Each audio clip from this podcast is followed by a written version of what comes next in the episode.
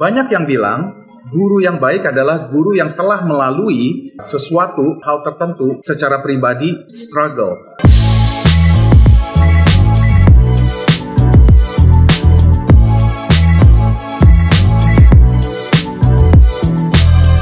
Semangat pagi Ginbos.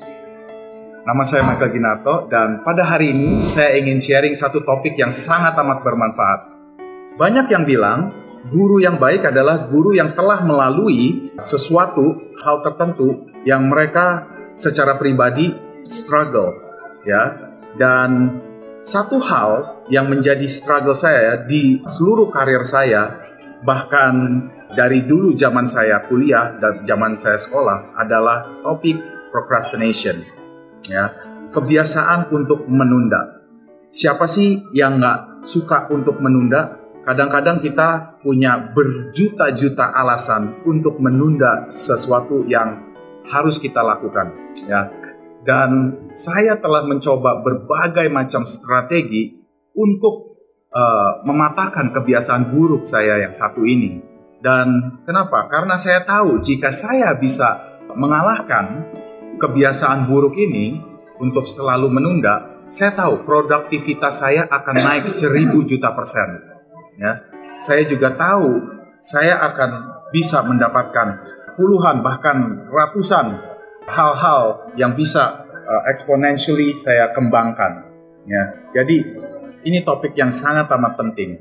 Saya nggak tahu mungkin kenapa ya saya suka menunda. Mungkin nomor satu saya terus terang ngomong mungkin laziness ya. Saya merasa malas atau mungkin saya merasa oke okay, saya belum tahu jawabannya. Saya stuck di satu hal di mana saya belum tahu jawaban untuk problem atau masalah ini dan saya yakin teman-teman sekalian juga pernah merasakan hal tersebut dan salah satu strategi yang pernah saya aplikasikan yaitu membuat to-do list. Saya membuat satu list panjang ya, isinya item dalam satu hari ada mungkin belasan item yang saya harus lakukan pada hari tersebut.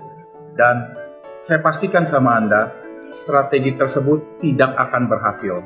Anda akan merasakan overwhelmed, Anda akan merasakan bingung, dan juga Anda akan uh, mengerjakan hal-hal yang paling tidak penting terlebih dahulu. Karena di pikiran Anda akan Anda pikirkan, oke, okay, yang penting saya bisa hilangkan uh, seluruh item-item ini dari listnya yang telah Anda buat.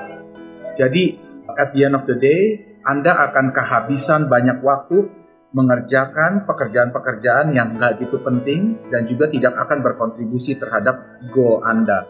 Nah, malahan cara yang paling efektif adalah menulis satu hal, just the one thing yang Anda harus selesaikan dalam waktu 24 jam tersebut.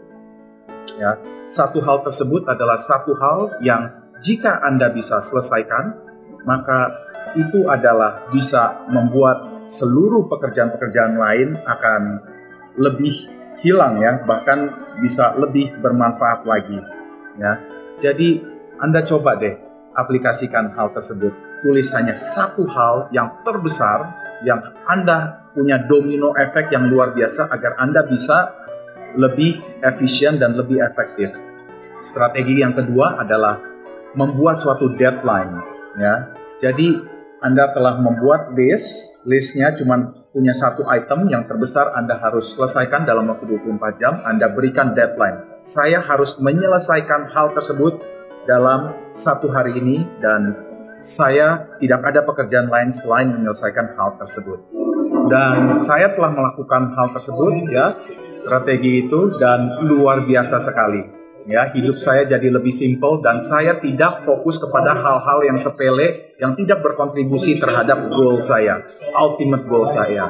So saya harap uh, anda bisa aplikasikan ide saya ini dan semoga bisa bermanfaat untuk bisnis anda untuk hidup anda agar anda bisa mencapai seluruh impian anda dan bisa menjadi milioner.